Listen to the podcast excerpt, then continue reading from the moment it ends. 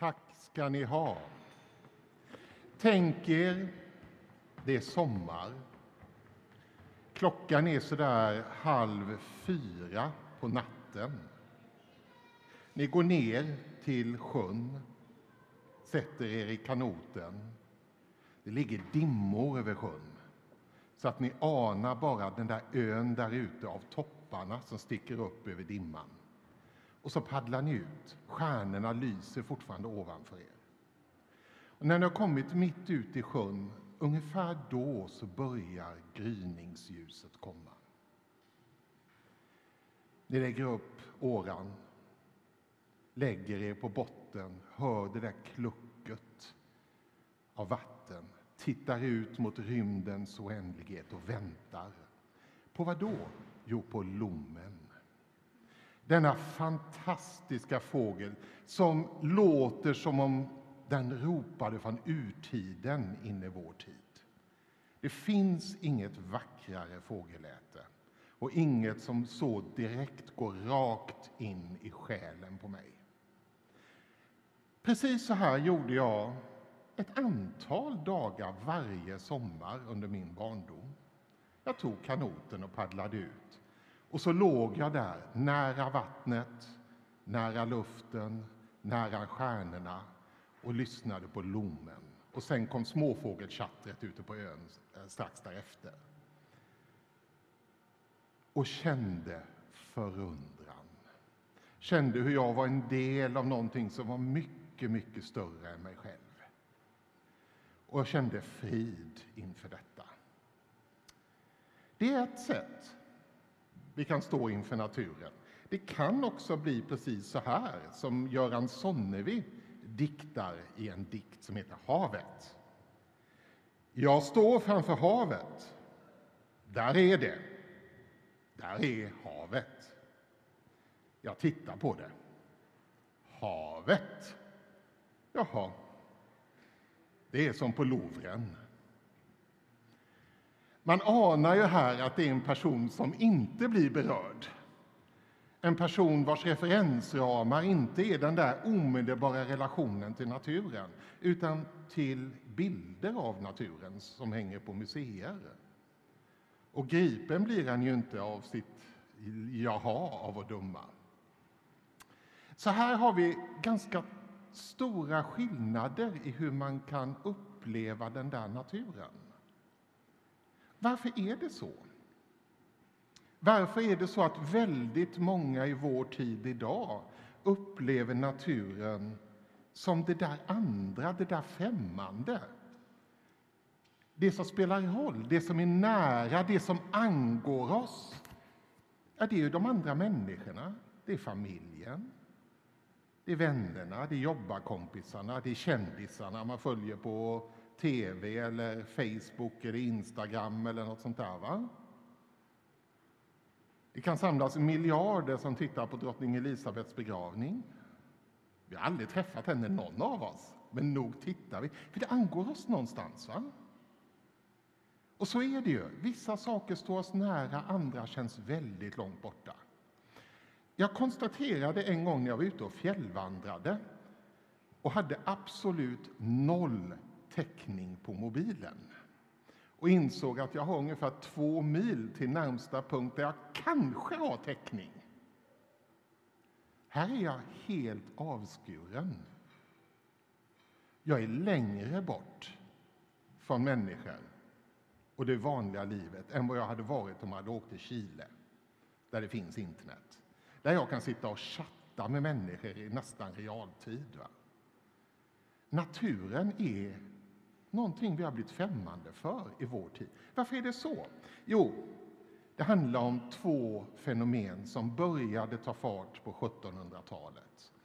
Människorna övergav livet på landet och flyttade in till städerna. Och det är helt enkelt för att man började, med tack, tack vare ny teknik, eh, kunna sköta jordbruket med mycket färre händers kraft konstgödsel, plogar, maskiner och så vidare. Och samtidigt så behövdes de här händerna inne i stan där fabrikerna byggdes. Där vi istället för att väva hemma på gården det man behövde av tyger hade stora textilfabriker i Birmingham, London och andra städer från början. Runt 1750 började det där. Till oss kom det väl knappt hundra år senare.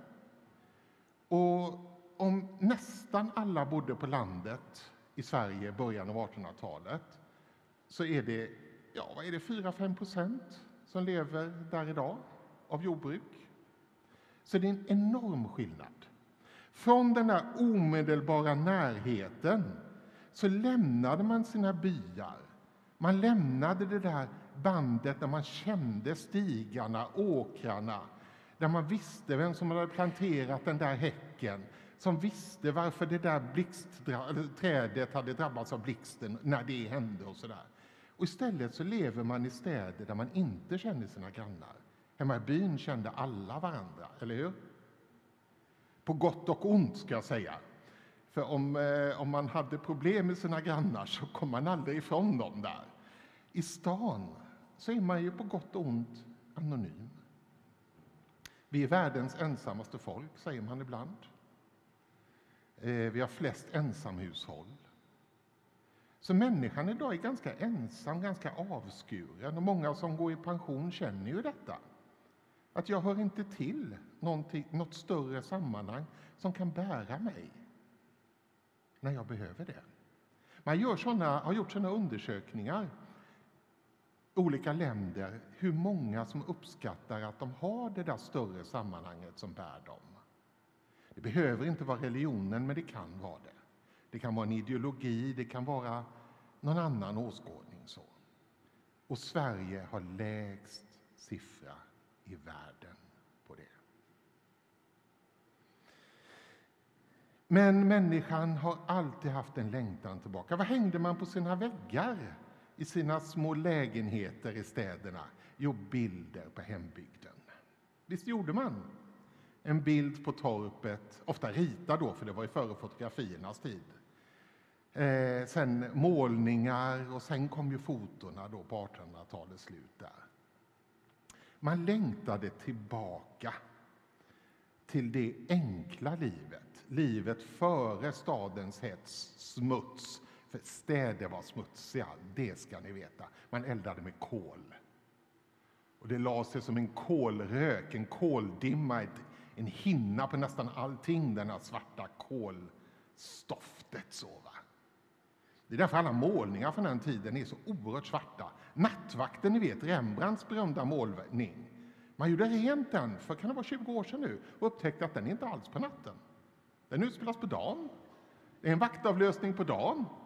Eh, den har bara blivit så fruktansvärt sketen av alkoholrök helt enkelt. Alltså så, va? Så människor längtade tillbaka. Men kan man återvända till den där ideala bilden som man har lämnat? Den pastorala idyllen som blir idealet? Det går ju inte. va? Den är förlorad. Vad gör man då? Ja, många människor hamnar i detta, det vi kallar för alienation. Alien vet ni alla vad det är för något. Det är den där främlingen. Och Det här betyder att man känner sig främmande. Främmande för den värld man lever i, främmande för de sammanhang man ingår i. Och vad händer då med den där naturen som man nu har lämnat bakom sig? Nu är staden referensramen. Och stadens miljö är referensramen. Ja, naturen, den blir ju en resurs. Mer än något man har en relation. En resurs att bruka eller kanske förbruka. Inget som egentligen angår mig särskilt mycket. I Norrland så känner de ganska ofta att vi är en resurs för resten av Sverige och ni bryr oss inte riktigt om hur vi har det här uppe så länge vi levererar vattenkraften, timret, malmen.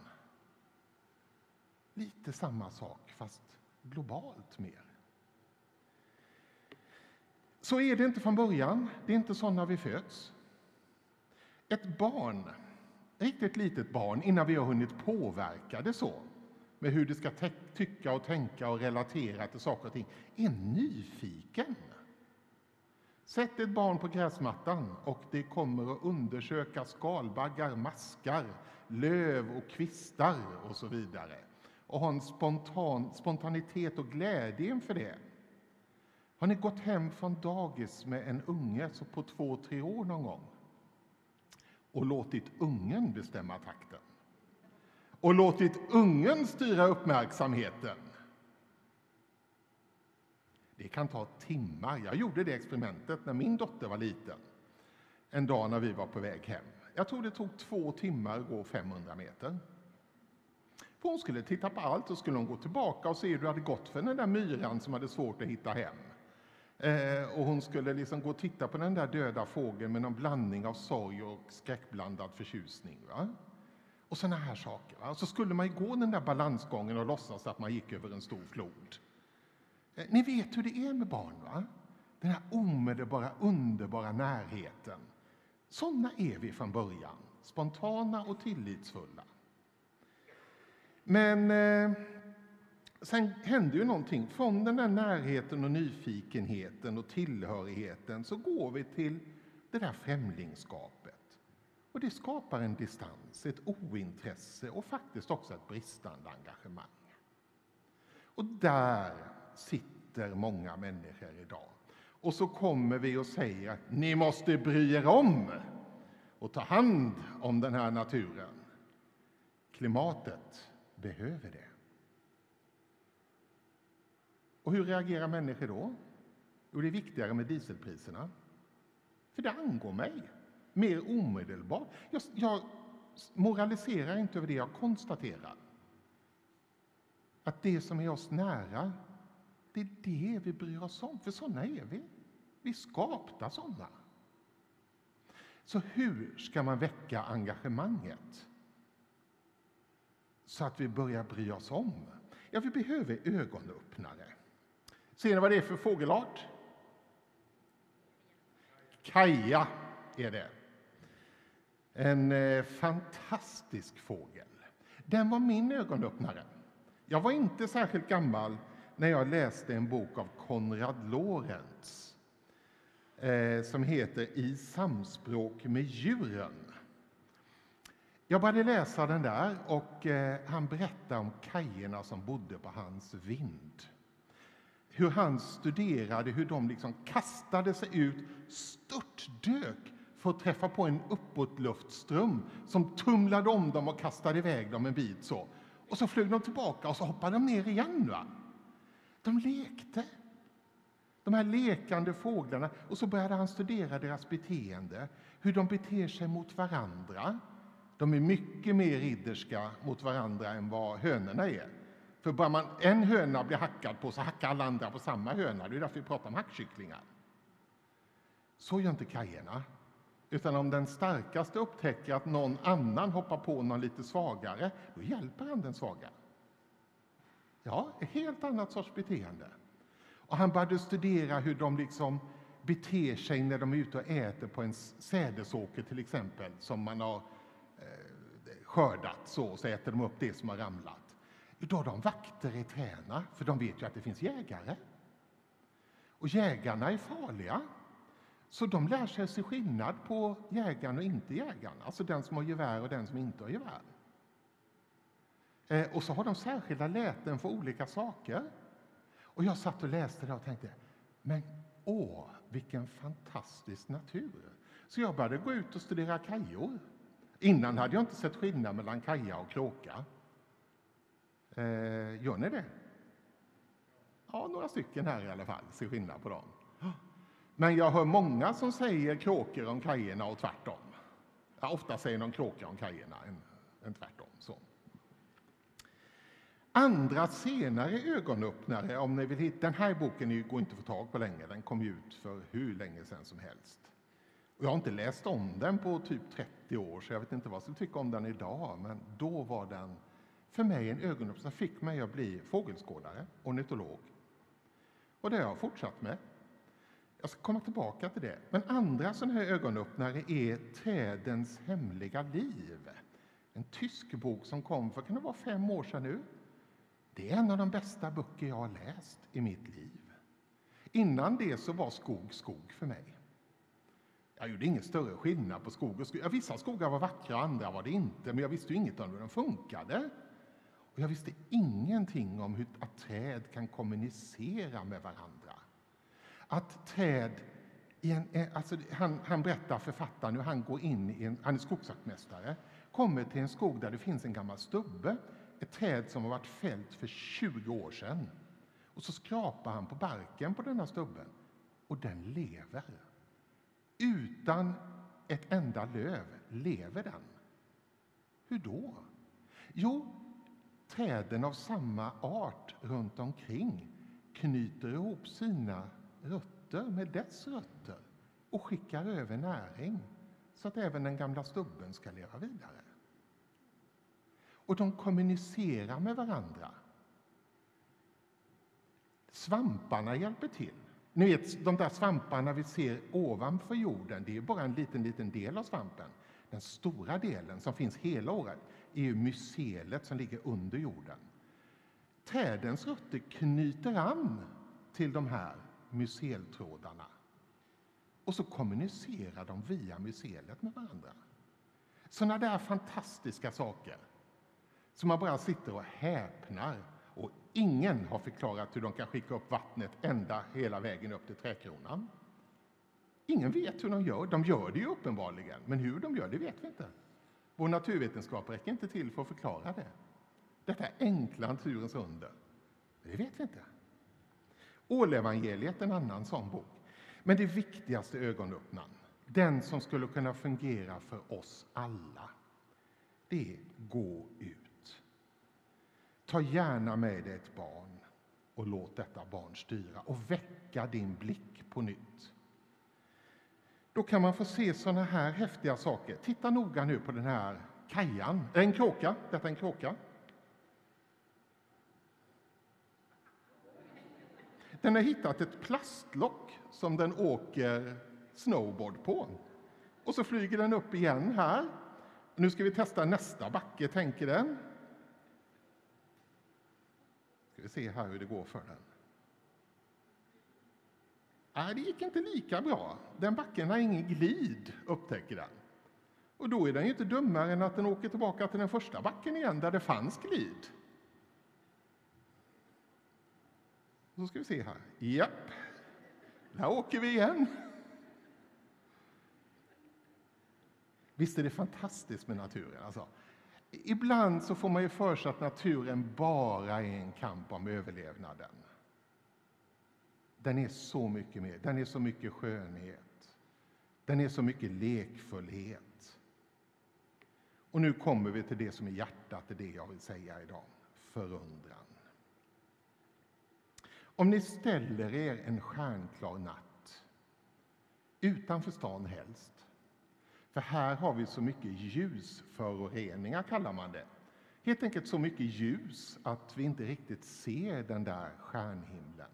Men åk en bit utanför landet, eller utanför stan, ut på landet och titta uppåt.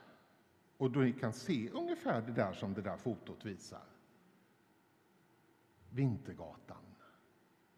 Om ni försöker räkna stjärnorna så har ni att göra längre än vad natten varar. För de är många.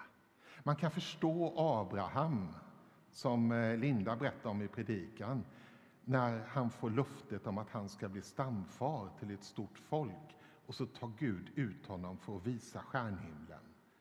Så många ska de bli, dina barn. Vilket löfte! Ja, ni står där och förundras, kanske, säger jag. För det är inte alla som förundras, utan andra kan bli skrämda av universums storhet. Linda berättade att universum var 14 miljarder år gammalt drygt. Vår sol är en av några miljarder solar i, vårt sol, äh, i vår galax. Och vår galax är en av några miljarder galaxer. Plötsligt blir universum väldigt, väldigt stort och vi väldigt, väldigt små.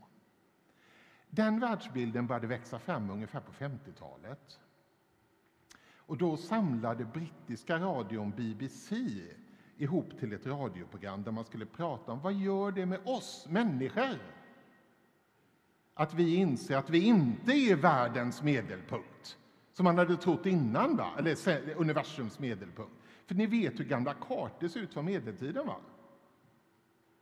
Där sätter man jorden i ett absolut centrum och i centrum av jorden ligger Jerusalem. Och allting utgår från detta nav. Så, va? Och man tänkte sig att solen och allt det andra snurrade runt jorden som var det absoluta centrum. Och sen kommer Copernicus och Kepler och några till, Galilei. Och världsbilden ändras och vi inser, nej, det är nog så att det blir en mycket enklare modell att beskriva tillvaron på om vi tänker oss att det är jorden som snurrar runt solen, så vi är inte centrum där. Sen visar det sig att solen inte heller är centrum. Det är längst ut i en arm i Vintergatan. Och denna Vintergata är en av fruktansvärt många liknande galaxer. Vad gör det med oss? Ja, man tog dit en eh, präst, man tog dit en astronom och en filosof. Filosofen hade det trevliga namnet Frank, eh, Ramsey i efternamn. Eh, det, han, höll, han, han, blev inte så gammal, så att han var väl 25-26 år här, men han hade redan gjort sig till en berömdhet på den tiden. Först ut var astronomen som berättade om hur stort allt var. Och han berättade med en underbar inlevelse och energi och beskrivningsförmåga som gjorde att man verkligen kände hur stort det här var och hur tomt allting var. Och sen kommer man och frågar då prästen, vad tänker du om det här? Och prästen var lite sådär nedslagen. Ja, ja, sådär. Han visste inte vad han skulle säga till tröst. För nu plötsligt den där världsbilden som han var van vid, där vi var i centrum, vi var ju inte det längre och han var lite svarslös. Va? Så han, han sa inget särskilt smart. Och så frågade de filosofen Ramsey, vad säger du då?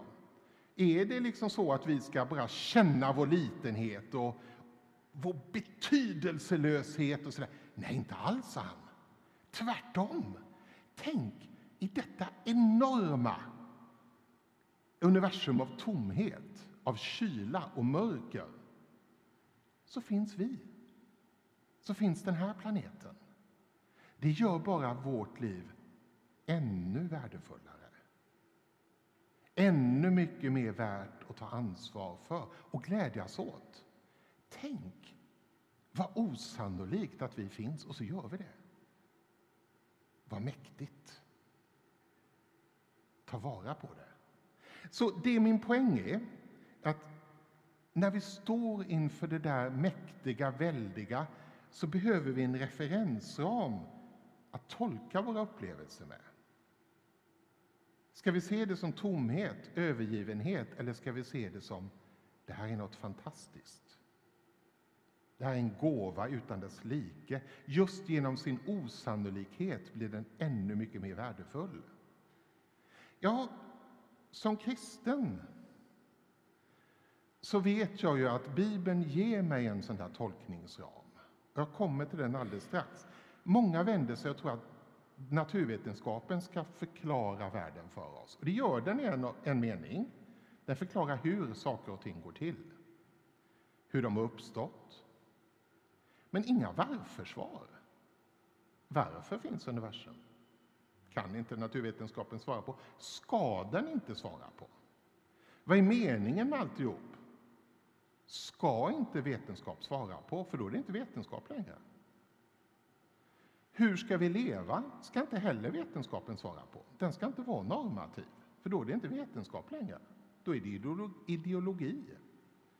Så låt vetenskapen göra sitt jobb och beskriva. Det är tack vare vetenskapen vi kan ha den här snurrande globen här, mina bilder på skärmarna och så vidare. Det hade varit magi för några hundra år sedan. Va? Som vi kan flyga och allt sånt här som vi kan idag. Va? Men de där stora, viktiga existentiella dimensionerna av tillvaron, varför finns du? Vad är meningen med ditt liv? Hur ska vi leva? Där måste vi hitta svaren någon annanstans. Och Bibeln ger oss sådana svar. Många har ju läst skapelseberättelserna som om de var vetenskap. Och då blir jorden 6000 år gammal eh, och ni vet allt det här. Naturvetenskapen säger att den är mycket, mycket äldre. Och det är så, förmodligen, med all rätt. För om vi läser skapelseberättelserna så är de första elva kapitlen av Bibeln, den är ju skriven på hebreiska Gamla testamentet. De första elva kapitlen är poesi genremässigt. Inte deskriptiv prosa, de är poesi. Om man studerar det grammatiskt så. Poesin vill säga det som är sant precis lika mycket som vetenskapen vill, men på ett annat sätt.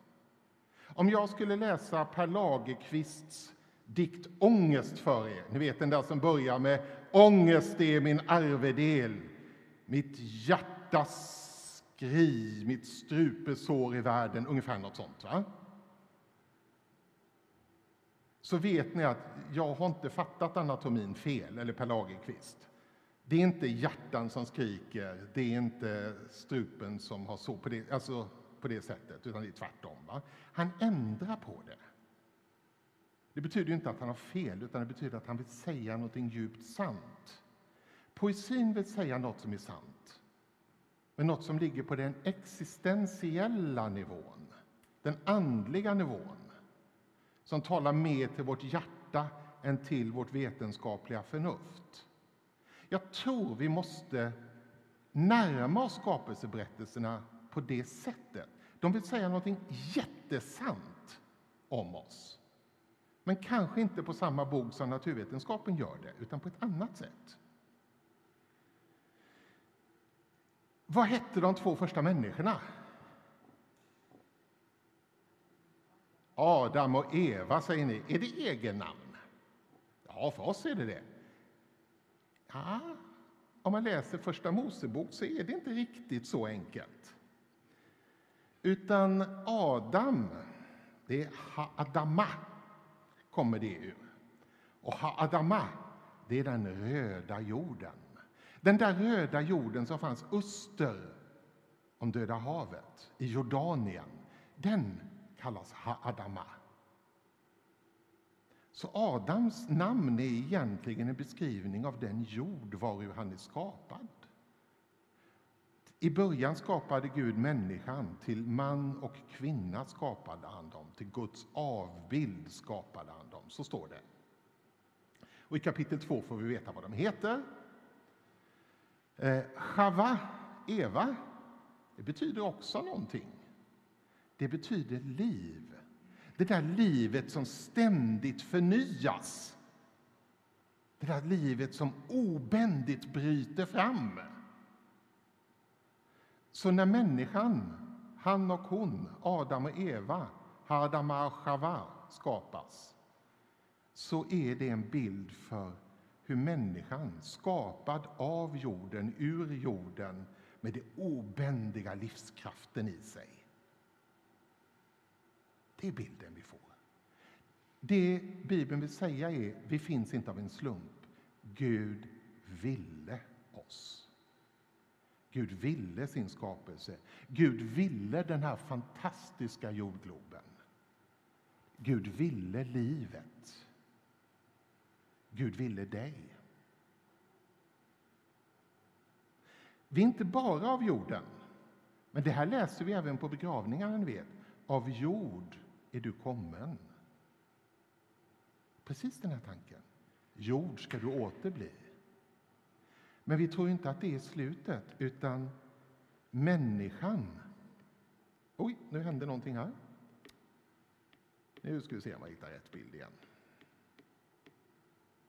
Har också en del av Guds ande.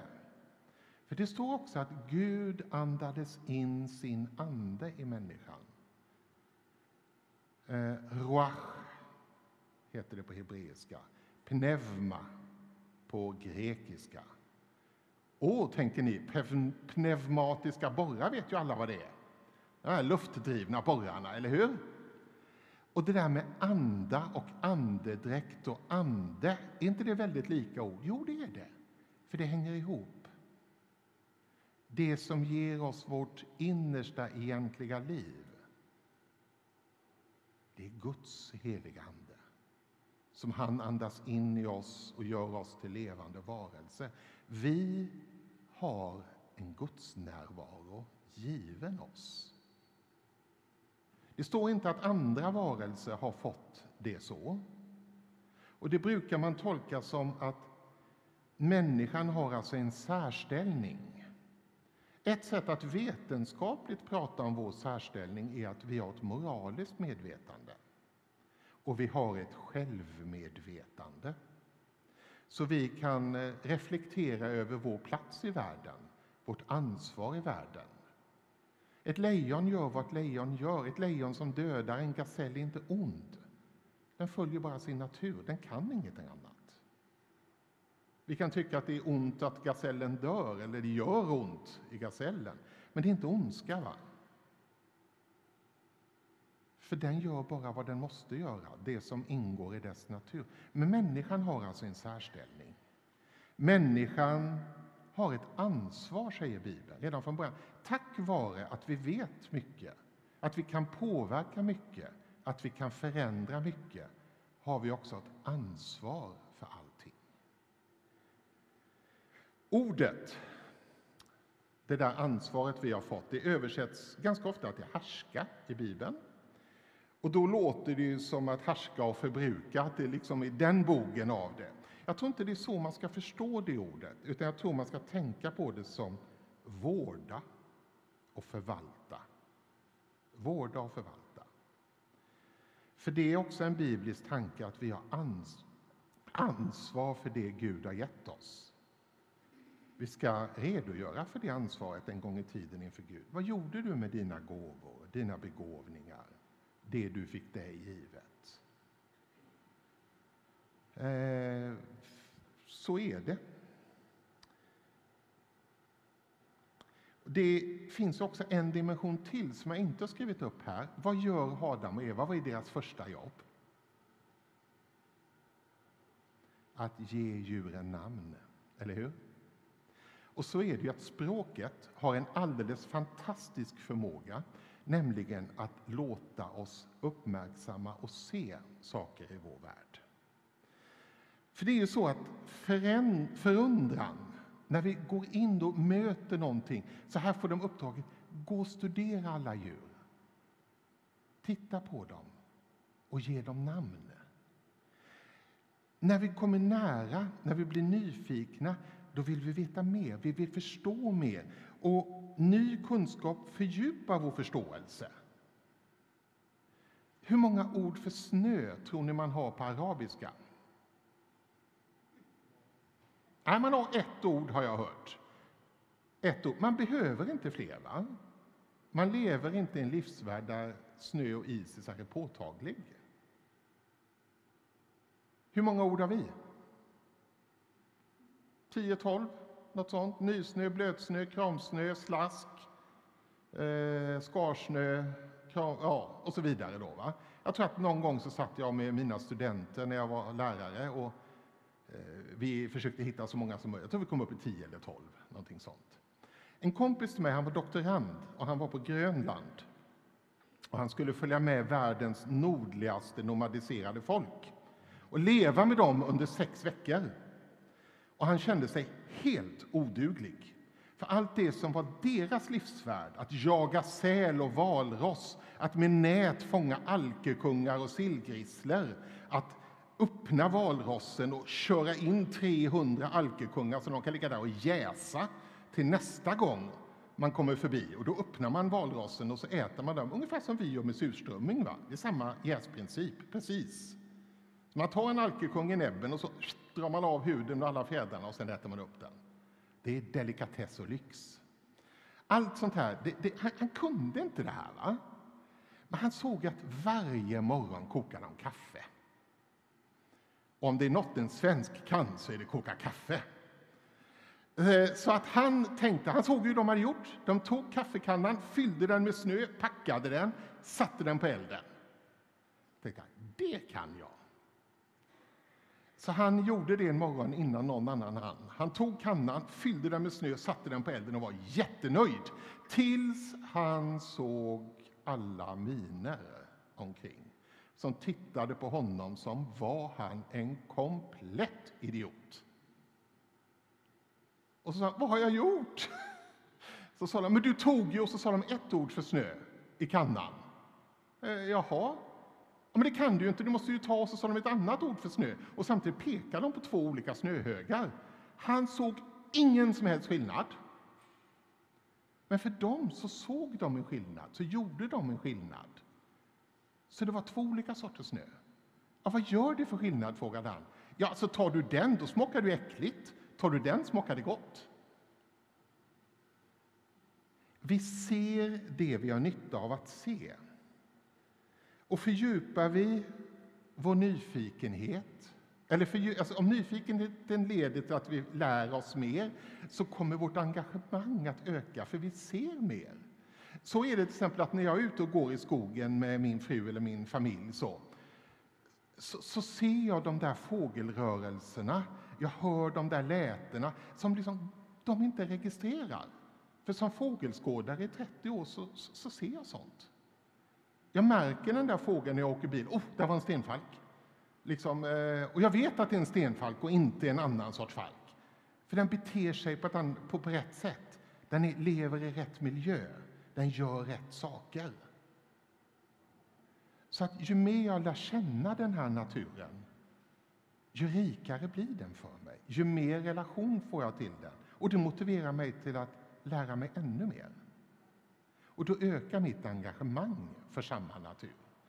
Förundran väcker nyfikenhet, väcker viljan att veta mer, väcker ny nyfikenhet, ökar förundran.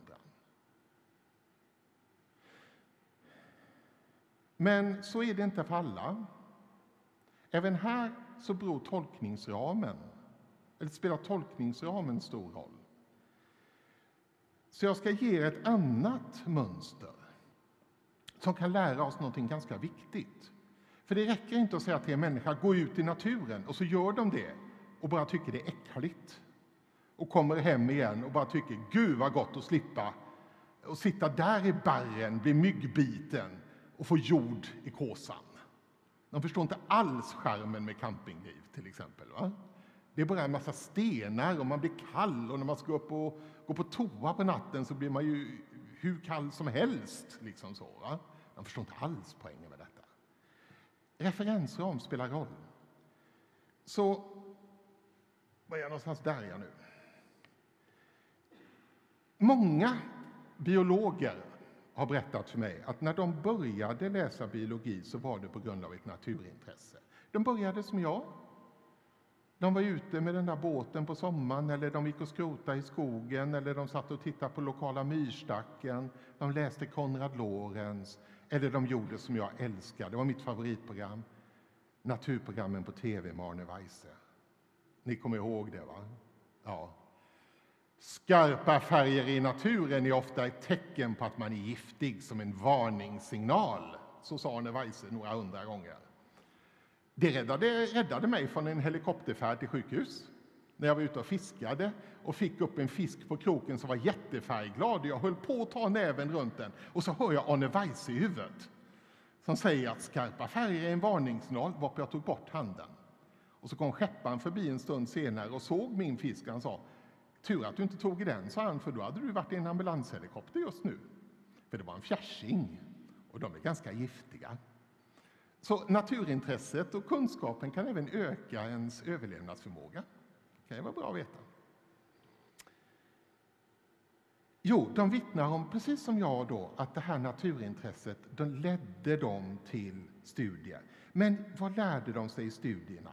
Jo, att det där som de tyckte var vackert, det var bara en hård kamp för överlevnaden. Så naturen avmystifierades och blev bara hård, brutal överlevnadskamp arterna emellan. Och hela den här magin och skönheten gick liksom förlorad. Och sen kanske de jobbade som biologer, men den där lågan, engagemanget var borta. Och det är ju jättetragiskt när det blir så. Va? Men för de som har fortsatt med fördjupade studier så händer någonting. Då inser man att här finns en ny sorts förundran att hitta. När man hittar hur otroligt intrikat den här naturen är. Hur otroligt välinställd. De flesta som sysslar med kosmologi, till exempel läran om hur universum och sådär ser ut och som har kommit djupast in i det ämnet, de blir religiösa om de inte var det från början. Helt enkelt det här att så här fantastiskt välinställt kan det inte bli av en slump. Det bara går inte. Jag vet, jag om någon vet. Va? Det går inte av en slump. Det måste finnas någon som ville detta. Och så hittar de Gud den vägen. Jag pratade om alienation inledningsvis. Jag ska återvända till det, för att vad gör man om man har blivit av med den där närheten och sen kommer in i det här främlingskapet? Jo, vägen går aldrig tillbaka, vägen går igenom till någon slags ny förundran. Det är precis samma sak som med tro. Många har en barnatro, eller hur? En ganska spontan och enkel och omedelbar tro. Och sen så kommer det en ålder när man börjar ifrågasätta. De enkla svaren duger inte längre och man tycker det här verkar lite barnsligt, nästan som sagor. Och så blir tron svår för många människor. Så var det för mig. Jag lämnade faktiskt kyrkan i 20 år. Just för att jag fick inte ihop det längre. Jag hade börjat läsa till präst, men jag fick inte ihop det längre. Min tro blev svag. Så jag tänkte jag behöver en paus eh, för att se om jag inte kan hitta tillbaka. sådär. Och så började jag läsa filosofi istället och så var jag filosof i 20 år. Eh, och sen, tack vare min filosofi och min fördjupade kunskap så, så hittade jag svar på allt det som hade varit svårt för mig och jag kunde hitta tillbaka till en för, ny fördjupad. På andra sidan tvivlen, inte tillbaka från tvivlen utan igenom och förbi tvivlen. Det är samma sak här med vår närhet till naturen. Jag tror inte vi kan återvända till det där barnets omedelbara entusiasm, men vi kan skaffa ett nytt engagemang, en ny sorts förundran genom att läsa, studera, men viktigast av allt, utsätta oss för närheten till naturen. Gärna i någons sällskap som vet. Jag hade den stora glädjen att ha med mig den där killen som var på Grönland mina första år när jag var fågelskådare. Och han kunde så oerhört mycket mer än jag, så att han lärde mig. Jag liksom fick långsamt skolas in i detta av någon som visste. Det är alltid bästa sättet att lära sig. Så gå med i en fågelskådarklubb, gå med i en svampförening, blomsterodlarklubb eller vad det nu är, astronomiförening. Det finns så många sätt att närma sig den här underbara skapelsen och fördjupa sitt engagemang och hitta den där förundran igen. Jag ska alldeles strax avsluta nu. För förundran, det tror jag är vägen bort från alienationen och till ett engagemang. Nej, nu händer någonting igen. Där, så. För det är ju så, och det har jag sagt några gånger, det som kommer oss nära, det som angår oss, det bryr vi oss om. Sådana är vi skapta. Jag började där. Jag vill återvända dit. För sådana är vi. Så ska vi hitta ett engagemang för det här fantastiska klotet så går det den vägen till att väcka vår förundran. Och att hänga den här här är ett bra sånt steg. Så heder åt Fässbergs församling som har gjort det. Det som väcker vår kärlek kommer vi att vilja ta hand om, för sådana är vi. Tänk efter. Det ni älskar, det ni tycker om, visst, visst bryr ni er om det och vill vårda det. Det kommer ni att vilja förvalta med omsorg. Så vägen till att rädda detta hotade klot tror jag inte går via liksom drakonisk lagstiftning i första hand. Det går genom att väcka människors förundran för den fantastiska värld vi lever i. Tack ska ni ha.